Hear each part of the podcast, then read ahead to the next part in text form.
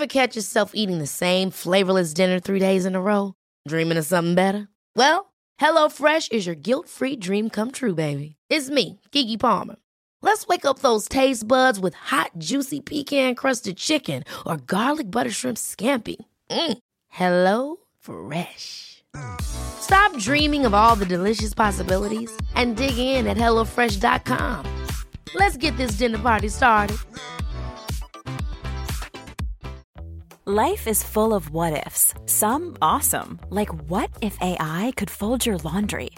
And some, well, less awesome, like what if you have unexpected medical costs? United Healthcare can help get you covered with Health Protector Guard fixed indemnity insurance plans. They supplement your primary plan to help you manage out of pocket costs. No deductibles, no enrollment periods, and especially no more what ifs. Visit uh1.com to find the Health Protector Guard plan for you.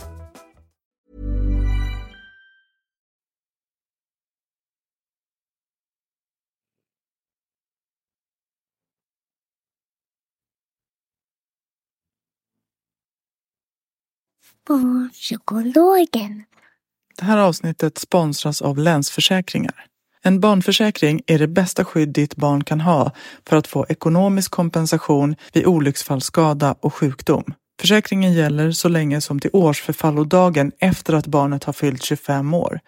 Efter det så får barnet teckna en olycksfalls och sjukförsäkring för vuxna hos Länsförsäkringar och den kan man då teckna utan hälsoprövning upp till ett visst försäkringsbelopp. Det här gäller om inget annat framgår från ditt försäkringsbrev. Läs mer på lansforsakringar.se. Tack Länsförsäkringar! Hej och välkomna till Barnpsykologerna, en podd med Lis Hirski, Lars Klintvall och idag med Erik Andersson. Välkommen! Du, tack så mycket Lars. Vi ska prata om oro som Mm. man har som förälder. Men kan du först bara säga lite vem du är?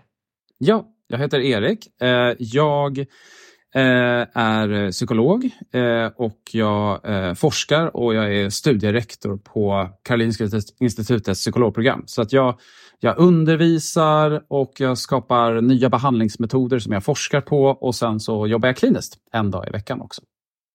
Var jobbar du då någonstans?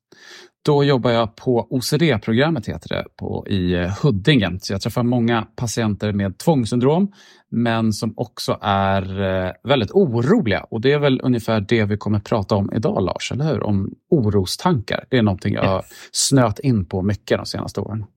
Ja. Ehm, vi, vi kanske kommer behöva liksom lite def- vara tydliga med vad begreppen är. Mm.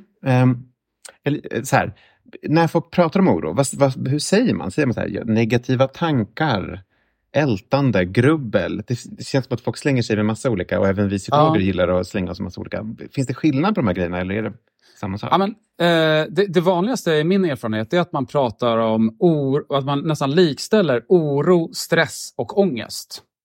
Mm. Och, jag, jag, och man, kan få, ah, man kan alltid få definiera saker ungefär som man vill, men jag tycker den mest meningsfulla definitionen är att oro är liksom en kognitiv process. Det, är, det, han, det har liksom ett tankeinnehåll. Och att ång, ångest, det är liksom den kroppsliga reaktionen man får av orostankar, till exempel. Och du var inne på någonting annat viktigt här, Lars, och det var ju eh, ältande, till exempel. Uh, och uh, uh, Vi psykologer brukar ofta kalla, säga ruminering också. Jag, jag, jag tänker att det är no, någon slags svengelskt ord för ältande. Men ältande brukar i alla fall jag tänka på som kanske lite mera bakåtriktat än oro. Så oro brukar jag definiera som tankar man får om eventuella framtida händelser som kan, man inträ- som kan inträffa, som, som är negativa, som är otrevliga. Eh, Mm. Medan ältande brukar jag mer då tänka på att det, det är mer tankar bakåt i tiden som har lite mer av en depressiv liksom, karaktär kan man säga. Att man ältar dåliga saker man har gjort bakåt i tiden. Det, det är lite mer åt, åt det depressiva hållet medan oro tänker jag är mer åt ångesthållet och potentiella så, externa saker som kan inträffa, som kan drabba mig i framtiden. Medan ältande brukar jag tänka är mer att man tänker negativa tankar om sig själv som man har, ju- och felaktiga beslut man har fattat bakåt i tiden. till exempel. Och grubbla, är det, vad är det då? Ja, men, ja, det, är, ja, det är en sjukt bra fråga. Alltså, jag, jag, jag brukar tänka att grubbla är också lite mer depressivt lagd, alltså mer åt ältande hållet. Mm. Men det här, alltså, vi, vi är ju fria att definiera det som vi själva önskar så att säga. Men, men jag, brukar, jag brukar ändå vilja hålla, liksom, när det handlar om eh, saker som kan inträffa i framtiden, då brukar jag gärna vilja prata om just orostankar. Att det är någonting som inkommande problem framåt i tiden. Medan grubbla kan ju mer vara någonting man har gjort bakåt eller man, man sitter och, och, och, gör ner sig själv till exempel och tänker depressiva tankar om sig själv. Mm.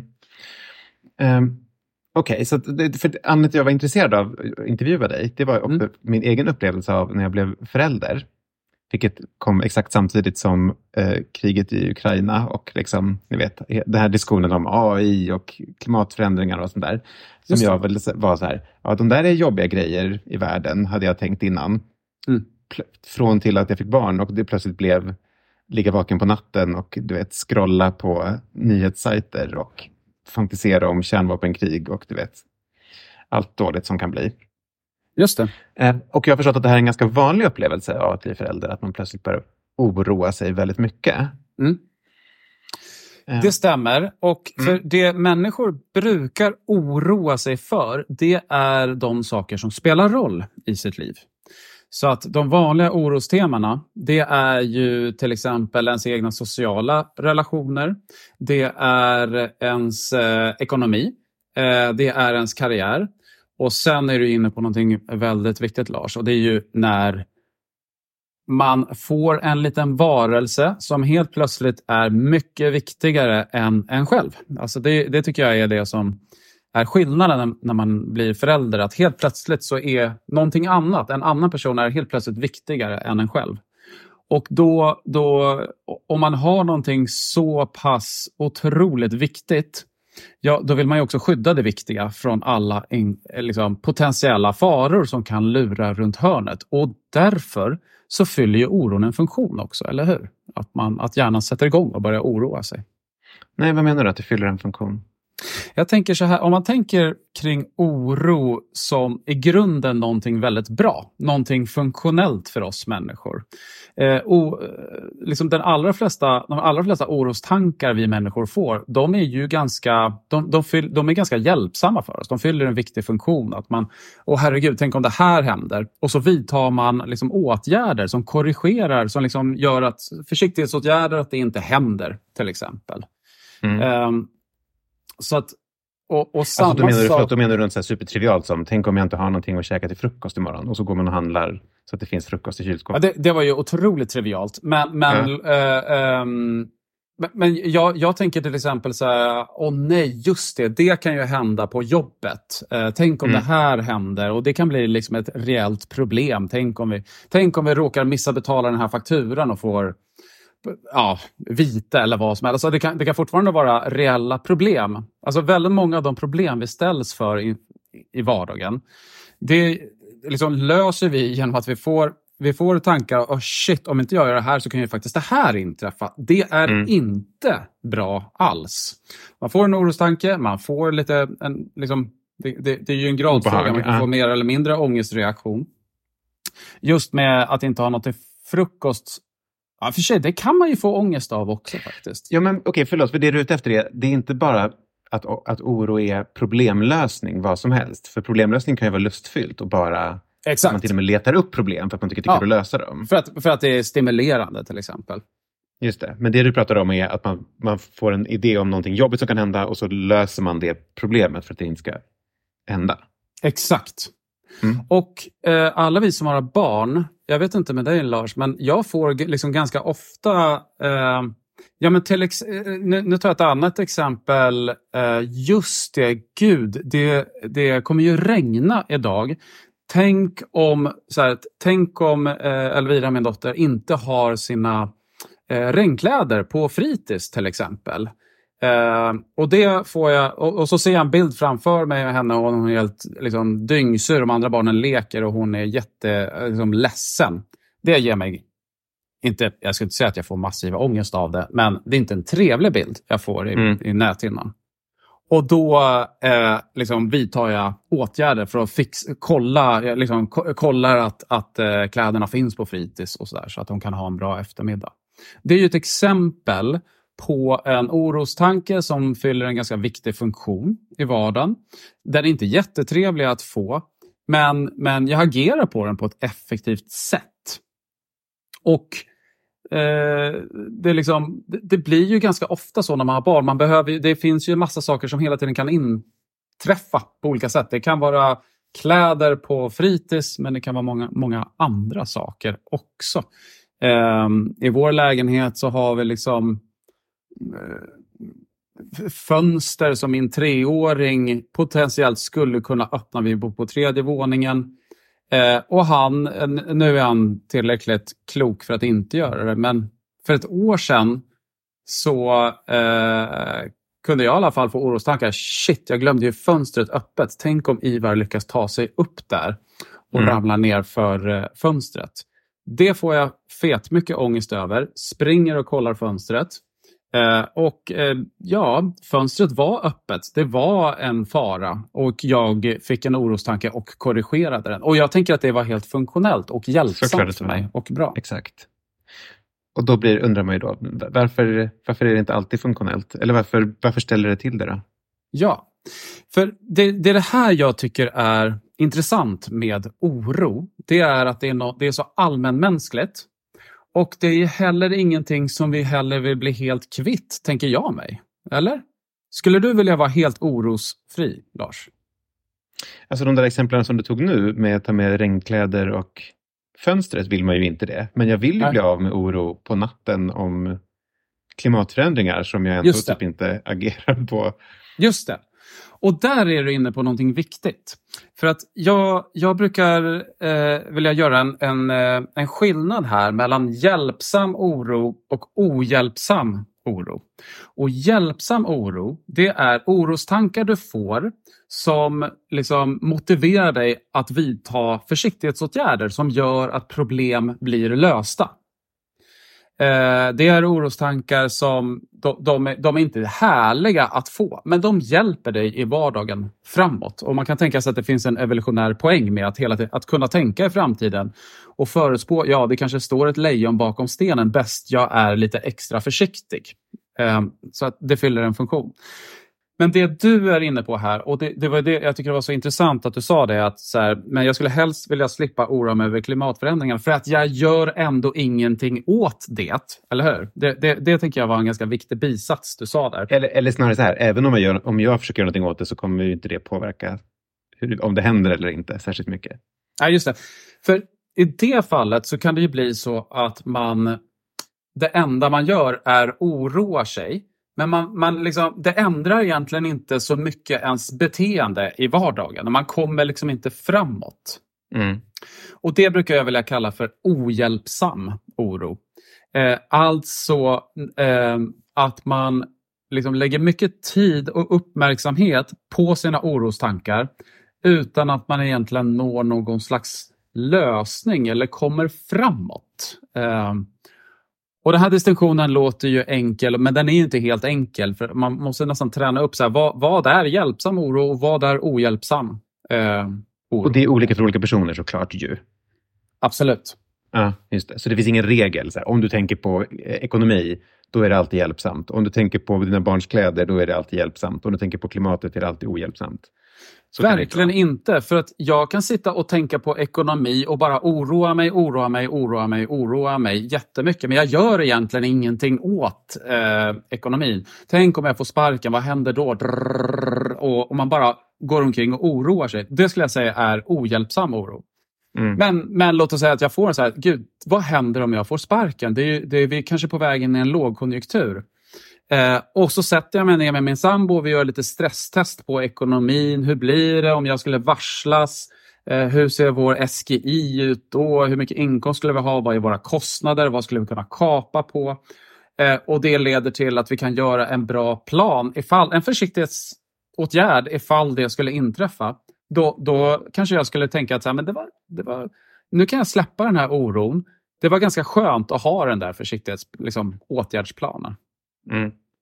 Så det finns ju inget särskilt ämne som, eh, som är ohjälpsamt nödvändigtvis. Utan det är, jag, jag skulle snarare vilja, liksom, jag vet att det här är lite flummig grej, men så här, tar, det, tar den här oron dig framåt? Liksom, löser några problem eller kommer du fram till något? Eller, eh, liksom, hjälper den dig i din vardag? Mm. Om ja, då, då kanske det är en hjälpsam oro som du inte behöver göra så mycket åt. Men om du bara, det bara snurrar, snurrar, snurrar, snurrar, snurrar men du kom, känner inte att du kommer framåt, då är det förmodligen en ohjälpsam oro. Och då är ju tusenkronorsfrågan, vad fan ska man göra då? då? Ja. Um, om, om det är så att du fastnar, du märker så här, men det här oron är så ohjälpsam. Den, det, liksom, jag bara, det, bara, det är bara tankar som spinner om och om och om och om igen. Då brukar vi vilja göra en, att du ska göra en ny distinktion på dina tankar. Är det här egentligen problem som du behöver lösa, Lars? Eh, eller är det här helt olösbara tankar? Så låt oss säga att eh, eh, du eh, oroar dig över, tänk om jag kommer kugga en tenta till exempel. Och det enda du gör, det är alltså, herregud vad händer om jag kuggar tenta? Men du, du, du, du bara håller på att oroa dig hela tiden. Det här är ganska vanligt hos tonåringar. Man bara, man, det bara spinner, man, man bara oroar sig. Men det man egentligen behöver göra, det är kanske faktiskt börja plugga inför tentan, eller hur? Mm, mm, och det och kan man du, göra. Exakt. Och, så det är faktiskt ett, alltså det är ju ett reellt problem att du kan kugga på tentan. Och det, du kan göra någonting åt det. Du kan problemlösa hur du faktiskt ska försöka lösa det. Så många av våra tankar som vi går och oroar oss för, det kan ju faktiskt vara problem som faktiskt går att göra någonting åt i sin vardag. Mm. Mm. Eh, så, och där behöver man liksom försöka jobba med problemlösning. Definiera vad är problemet? Hur ska jag lösa det här problemet? Och testa lite olika strategier. Och, och det, du säger det, där är liksom, det där är tekniker som finns som man kan liksom öva på att bli bättre.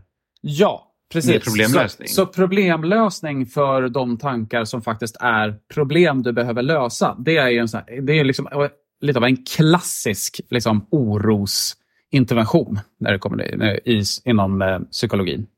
Mm. Um, Förlåt, och det var det, det du sa nu, att man skulle skriva, spåna lite vad eventuella lösningar skulle kunna vara, testa ja. och utvärdera dem. Så. Precis.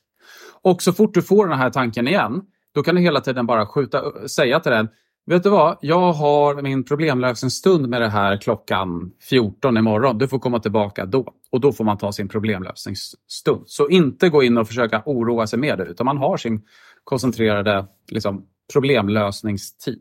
Då. Mm. Förlåt, det, här... väldigt, det här blir väldigt inzoomat, men, men, ja, men nu sa du det här med att man kan göra det också med ungdomar som oroar sig. Mm. Har de den problemlösningsstunden typ tillsammans med någon eller har man den bara själv, att man har skrivit in i kalendern? Då ska jag fundera över min ekonomi eller då ska jag fundera över... Ja, alltså jag, jag, brukar gärna lobba för att man ska göra det här tillsammans med någon annan. För det blir lite enklare att se. Alltså, då kan man hjälpa varandra och försöka definiera det här problemet. Men det är ju inte mm. alla orostankar som involverar någon annan heller. Så att många av orostankarna kan man ju ändå eh, lö, lösa själv, helt, helt enkelt. Mm. Och, för, som du sa, där, om man vet att det här, om, om det här temat är ett sånt som jag har tänkt på tidigare och kommit fram till att det här är ett lösbart problem. Ja. Då, skjuter, då, då kan man säga till tanken, jag sparar dig tills min orostund klockan 14. Det funkar. Ja, alltså det är ju, det är ju så vi tänker oss att, att eh, liksom, istället för att hela tiden gå och oroa sig så säger man här, okej, okay, men du är ett problem som går att lösa. Och jag har en tid avsatt för att lösa dig imorgon klockan 14. Du är välkommen mm. tillbaka då. Mm, bra. Men du frågade mig där, kommer det funka? Och sanningen är ju att så här, det kan funka ibland och ibland så fastnar man ändå i oro. Så, så här är det med alla våra psykologiska interventioner. Man tar typ två steg fram, ett steg bak hela tiden. Mm. Jag försöker jobba med den tekniken och ibland så fastnar jag ändå i oro. Okej, vi, vi, kan väl återkomma lite till faktiskt liksom behandlingseffekter sen, mm. för det vill jag jättegärna veta eftersom jag vet att du har hållit på med det. Den andra kategorin då, om det är ett problem ja. som man inte kan lösa? Låt oss säga att du har en massa tankar som du, som du försöker lösa med tankens hjälp, men som inte går att lösa med tankens hjälp.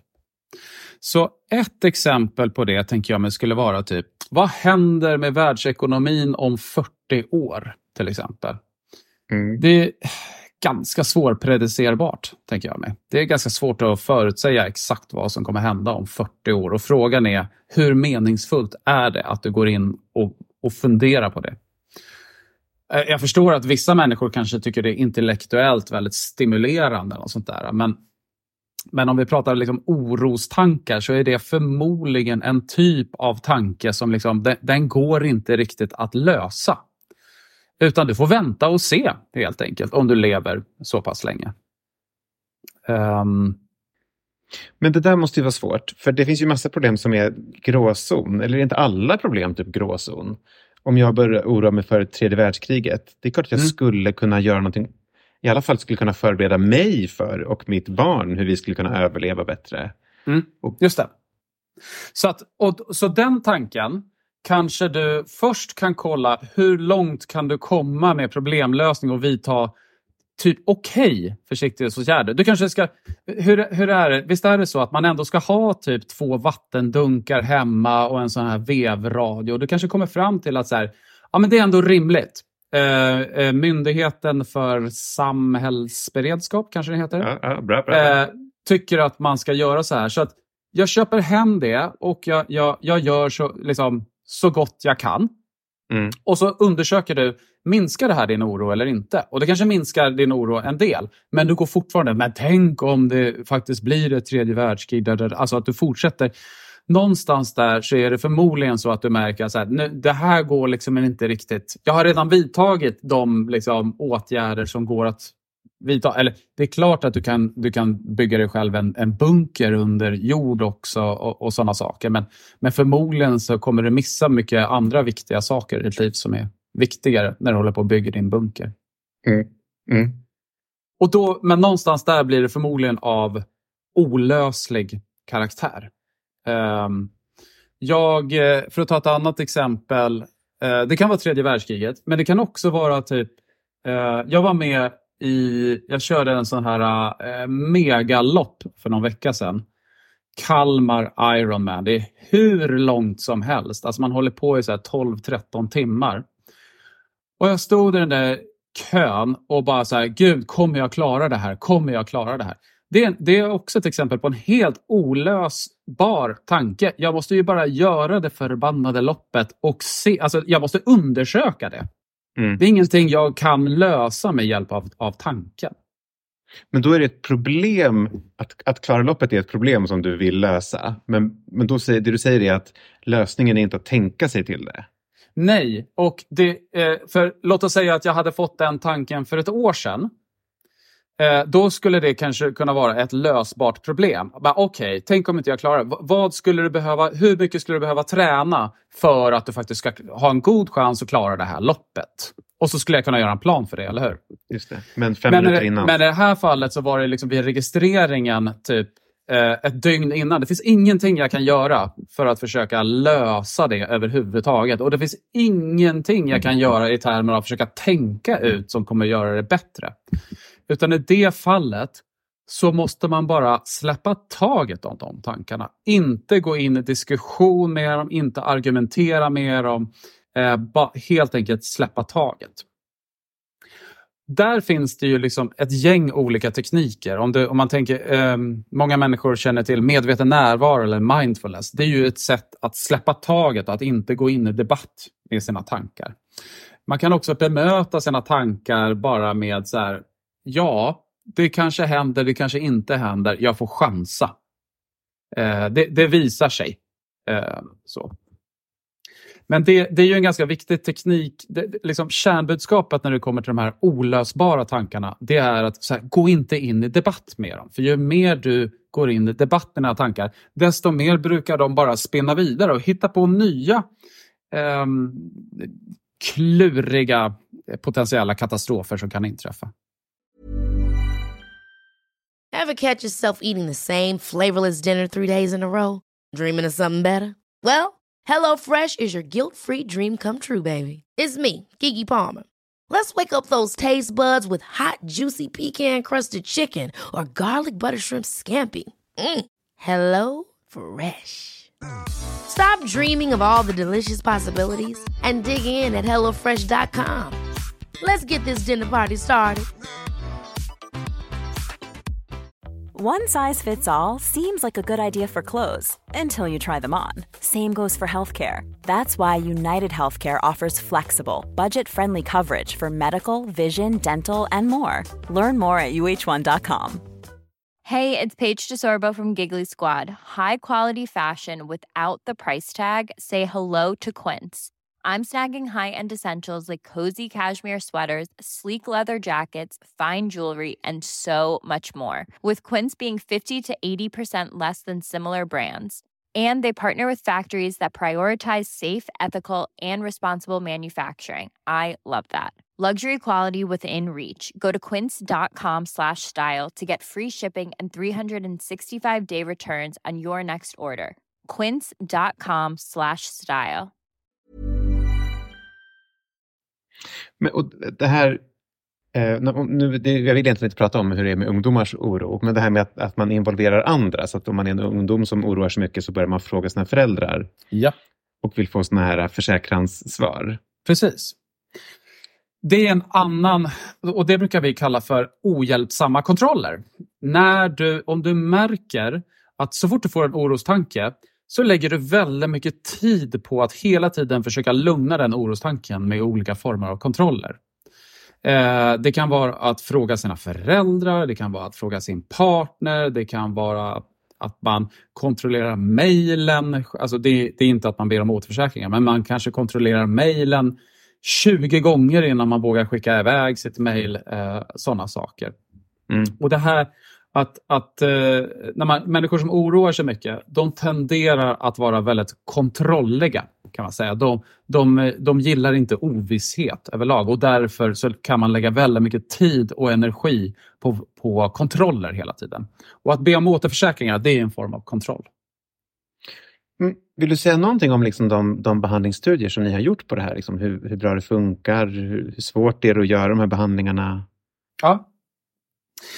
Um, och Det är intressant med oro, tycker jag. Så att det har gjorts... Eh, det finns en massa olika behandlingsmodeller för det man kallar för generaliserat ångestsyndrom. Det är egentligen när man har väldigt, väldigt mycket oro, helt enkelt. Eh, och, och, Det har man testat och, och, då, och, alla de här olika behandlingsmodellerna liksom har sina egna ord, de har sina egna modeller för hur allting funkar. Men det är också så att de har ganska många saker gemensamt. Eh, så en gemensam aspekt av alla orosbehandlingar det är att börja kartlägga sina tankar och undersöka vad handlar de här eh, tankarna om. Till exempel. Alltså hitta, hitta teman? Liksom. Ja, precis. Och eh, som vi var inne på tidigare, Lars, till exempel, är, är det här tankar som går att lösa eller borde jag bara släppa taget om de här tankarna? Det är också en, en, liksom en väldigt gemensam central aspekt. Och att man ägnar sig mycket åt kontroller är en annan gemensam aspekt av alla de här olika orosbehandlingarna som finns. Och jag och eh, mina kollegor har testat flera olika typer av orosbehandlingar. Eh, vi har testat eh, en behandling av en, en väldigt duktig psykolog som heter Olle Wadström. Testade vi hans eh, bok Sluta älta och grubbla, heter den. Eh, och det, den, den boken är liksom, tänker sig oro just som en pingpongmatch. Att du får en katastroftanke och så, får det, och så tar du till en lugnande tanke hela tiden. Och, var, och, och, och, så fastnar man i det där. Typ, tänk, om, tänk om jag eh, Eh, krockar med cykeln på mitt lopp. Nej, det är lugnt. Du har ju, eh, du har ju hjälm på dig. Jaha, men tänk om du bryter benet då? Nej, men det, eh, det borde inte hända för alltså, ja, du fattar, man håller på så här. Eh, och den, har vi, den behandlingen har vi testat och den var liksom väldigt effektiv. Vi testade den mot en, bara en, en allmän beha en behandling som handlar om att stressa ned. Och Den visade sig vara, liksom vara väldigt effektiv. Så. Och när du säger effektiv, alltså hur, hur, hur många blir hjälpta? Kan man säga någonting sånt? Ja, men jag skulle säga att um, det är alltid en gradfråga. Men, men runt 60 procent får en ganska bra, liksom, eller väldigt bra effekt. Och Sen har du en gråzon däremellan. Och du, har, och, du, och du kommer alltid ha en grupp som antingen inte gör behandlingen eh, och därmed inte får någon effekt. Eller de som testar det men det passar inte dem. Det passar inte deras problematik. Kan man säga någonting om vilk, vilka det passar för och vilka det inte passar för innan? Nej, faktiskt inte. Um, vi, uh, ja, vi har aldrig hittat liksom någon särskild grupp av personer där det passar extra bra eller, eller inte bra. Utan det verkar snarare vara så, och if, kan, så här, fattar jag behandlingsprinciperna och kan jag applicera det i mitt dagliga liv och faktiskt göra det här, ja då mm. brukar det oftast gå bra. Men, men det, och det brukar vara där det liksom diffar, när människor inte känner igen sig i modellen och det inte passar dem, ja, då, då brukar det inte gå så bra. Mm. Och Det är en behandling vi har testat. Vi har testat och den har vi testat som en internetbehandling, att man jobbar eh, på egen hand men har en psykolog online. Vi har testat en annan behandling som fokuserar mer på, kallas för metakognitiv terapi. Där, där fokuserar man mer på oro kring sin egen oro helt enkelt. Så den behandlingen handlar, den, den tänker sig typ så här. Lars, det är helt okej okay om du oroar dig eh, för eh, klimatkatastrofer. Men om du börjar oroa dig för din egen oro, då har du ett problem. Herregud, jag, jag, jag bara, oron är okontrollerbar. Jag kan inte hindra oron. Och eh, jobbar med, med många tekniker som handlar då om att, att försöka skjuta upp oron och, och eh, minska ner den här metaoron som man kallar det för. Alltså acceptera oron låter det som att man ska göra då? Det, det blir ju det mer eller mindre. Många av de här uh, behandlingsmodellerna de har olika språk, de har olika ord för saker. De har olika teorigrunder också kan man säga. Men de gör ganska samma lika saker kan jag tycka, ganska ofta. Även fast de har olika ursprung. MCT är ju superpoppis känns det som just nu. Mm. I, eller i psykologsvängen så är det mycket snack om MCT. Verkligen. Verkligen. Eh, har, vadå, har ni jämfört då till exempel Wadström-modellen med MCT? Nej, det har inte vi gjort ännu. faktiskt. Så man vet inte vilken av de här behandlingarna som funkar bättre eller sämre? Nej, alltså det, det, är väldigt, det är ingenting som talar för att det ena skulle funka så vansinnigt mycket bättre än det andra. faktiskt. Vi gör just nu faktiskt en studie eh, på internetpsykiatri där vi testar mer metakognitivt orienterad behandling mot det man kallar... Eh, det finns en annan behandlingstyp som kallas för intolerans för osäkerhet. Eh, som, så, som mer fokuserar på att men oroliga människor fastnar, när de är i osäkra situationer så tar de till kontroller och undvikande. Och då handlar det om att sluta, min, minska på kontrollerna och minska på undvikandet. Om man, om man lyssnar på det här och tänker, jag oroar mig väldigt mycket och det blir ett problem för mig. Hur, hur får man tillgång till de här, om man är vuxen alltså, hur får man tillgång till de här behandlingarna? Det, det beror på lite grann vad som passar ens liv. Det finns eh, självhjälpsböcker. Så Olle Wadströms bok är ju ett exempel på en, liksom, en behandlingsmodell som vi har testat som visar sig vara väldigt effektiv. Den finns ju bara att köpa, den finns ju att köpa som bok. Eh, eh, det finns också eh, då eh, en internetbehandling att få på internetpsykiatri till exempel, om, om det skulle passa en. Men det är ju också så att man kan söka hjälp på sin vårdcentral. Det finns psykologisk behandling på många vårdcentraler. Det finns också läkemedelsbehandling eh, för orosrelaterade problem som också är effektivt. Det beror liksom lite grann på hur mycket det stör en och vad som passar i ens liv. Um, jag och min, min kollega Tove Wahlund, vi, håller på, vi har testat ett, ett eh, vi kallar det för psykologiskt egenvårdsprogram. Vi har inget liksom, terapeutstöd alls. Utan, och vi har försökt göra ett kondensat av alla orosbehandlingar och bara mejsla ut de centrala liksom, interventionerna vid, vid oro.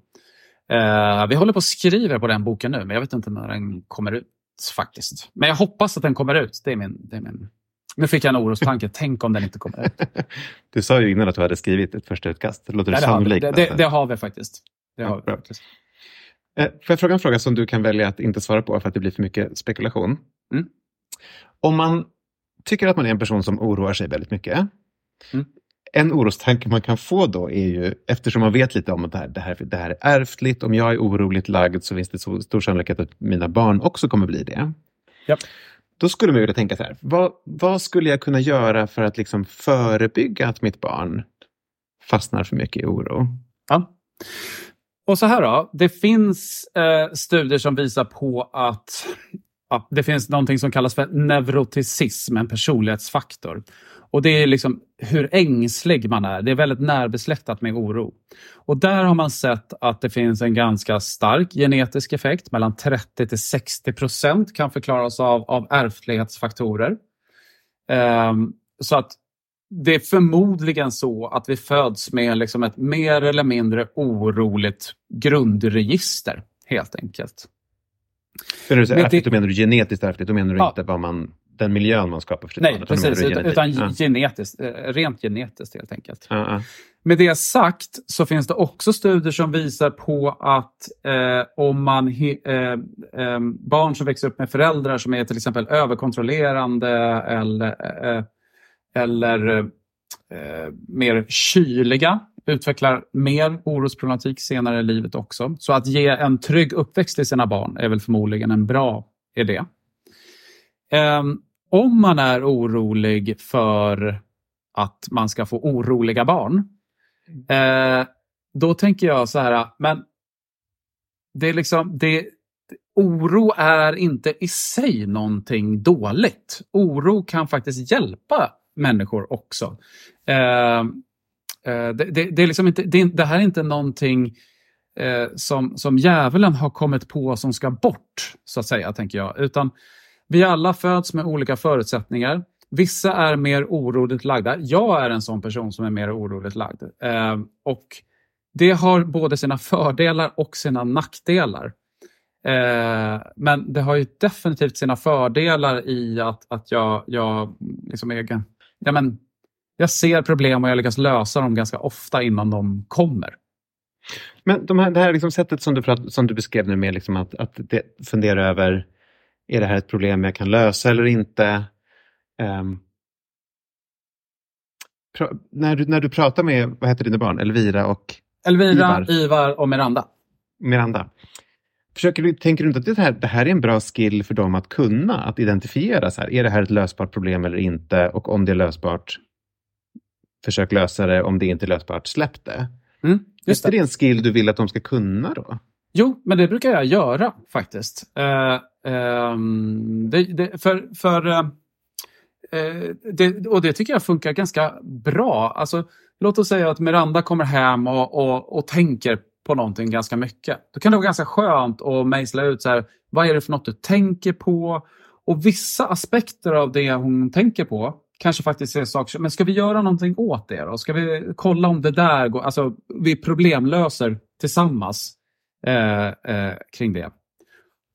Och sen, och sen finns det en del oro som bara säger, men du, vi får bara se vad som händer. Jag vet att du inte gillar det. Eh, eh jag vet att du inte gillar liksom att bara låta saker och ting få vara osäkert. Men, men det får vara så. Vi, vi gör det tillsammans. Och eh. tänker inte du då att det där på något sätt lite ska förebygga? Ja, men kanske. Kanske. Jag, jag tycker det här är väldigt eh, roligt. Det här är någonting, särskilt med, med min äldsta dotter Miranda, jag tycker det är väldigt roligt när vi pratar om sådana här saker. Ja, såklart. Tycker hon också det eller tycker hon att det är jobbigt när du Nej, säger... Hon tycker, det, hon tycker det är svinkul också. Ja, okay. det, det, vi, vi bondar lite kring det. Vi är ganska lika hon och jag märker jag, kring vissa saker. Okej, okay. Or orosgrejer? Ja, men li, lite grann så. Ja. Ja, kul. Um, innan vi avslutar, är det någonting, du har sagt den här boken som, som vi hoppas kommer inom ett år eller någonting. Herregud Lars, tänk om boken inte kommer ut. Tänk om boken inte kommer ut. ja, det kom. Då finns ju redan Olle Wadström-boken. Så att, eh, Just det. finns som ett så stort Just det. Eh, är, det annat, liksom, är det något annat som du tänker sig, det här önskar jag att folk visste om oro? Um, um, det finns människor, när man väl börjar tänka, många människor slutar göra saker på grund av sin oro. Och anledningen till att de slutar göra saker är för att de blir mindre, det, det blir mindre roligt att göra vissa saker medan, under tiden de oroar sig.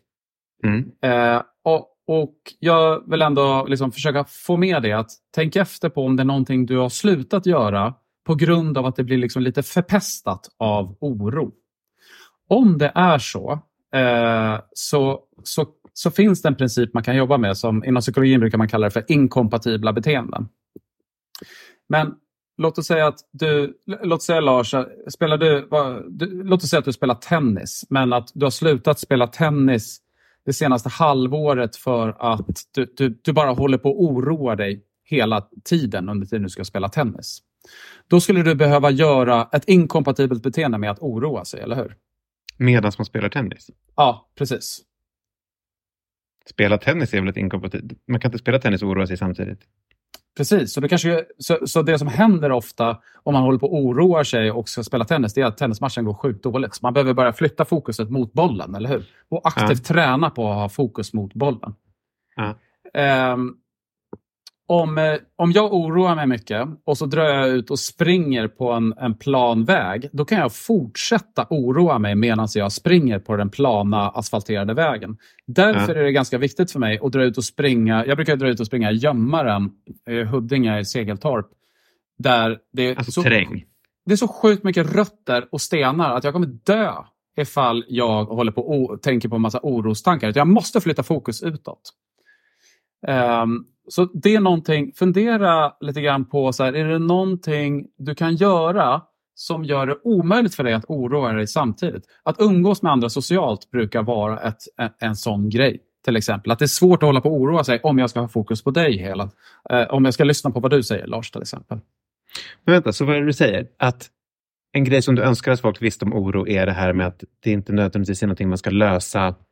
Man kan lösa det med konkreta beteenden och inte att ja. man måste liksom ändra någonting i huvudet. Exakt. Ibland kan det vara så enkelt att så här, det enda du behöver göra är att flytta fokus utåt. Mm.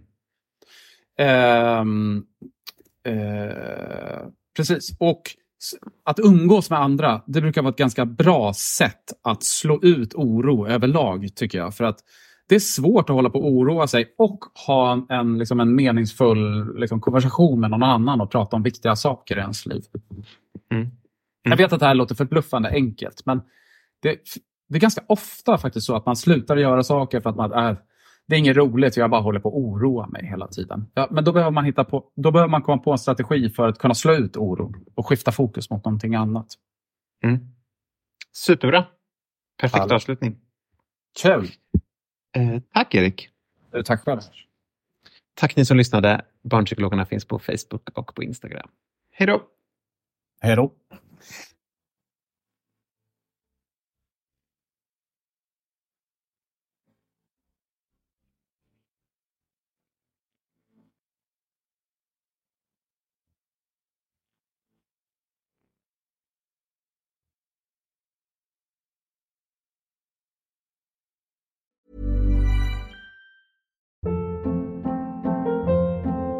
Hold up. What was that? Boring. No flavor. That was as bad as those leftovers you ate all week. Kiki Palmer here, and it's time to say hello to something fresh and guilt-free. Hello Fresh. Jazz up dinner with pecan-crusted chicken or garlic butter shrimp scampi. Now that's music to my mouth. Hello Fresh. Let's get this dinner party started. Discover all the delicious possibilities at hellofresh.com. Planning for your next trip? Elevate your travel style with Quince. Quince has all the jet setting essentials you'll want for your next getaway, like European linen, premium luggage options, buttery soft Italian leather bags, and so much more. And is all priced at 50 to 80% less than similar brands. Plus, Quince only works with factories that use safe and ethical manufacturing practices. Pack your bags with high-quality essentials you'll be wearing for vacations to come with Quince. Go to quince.com/pack for free shipping and 365-day returns.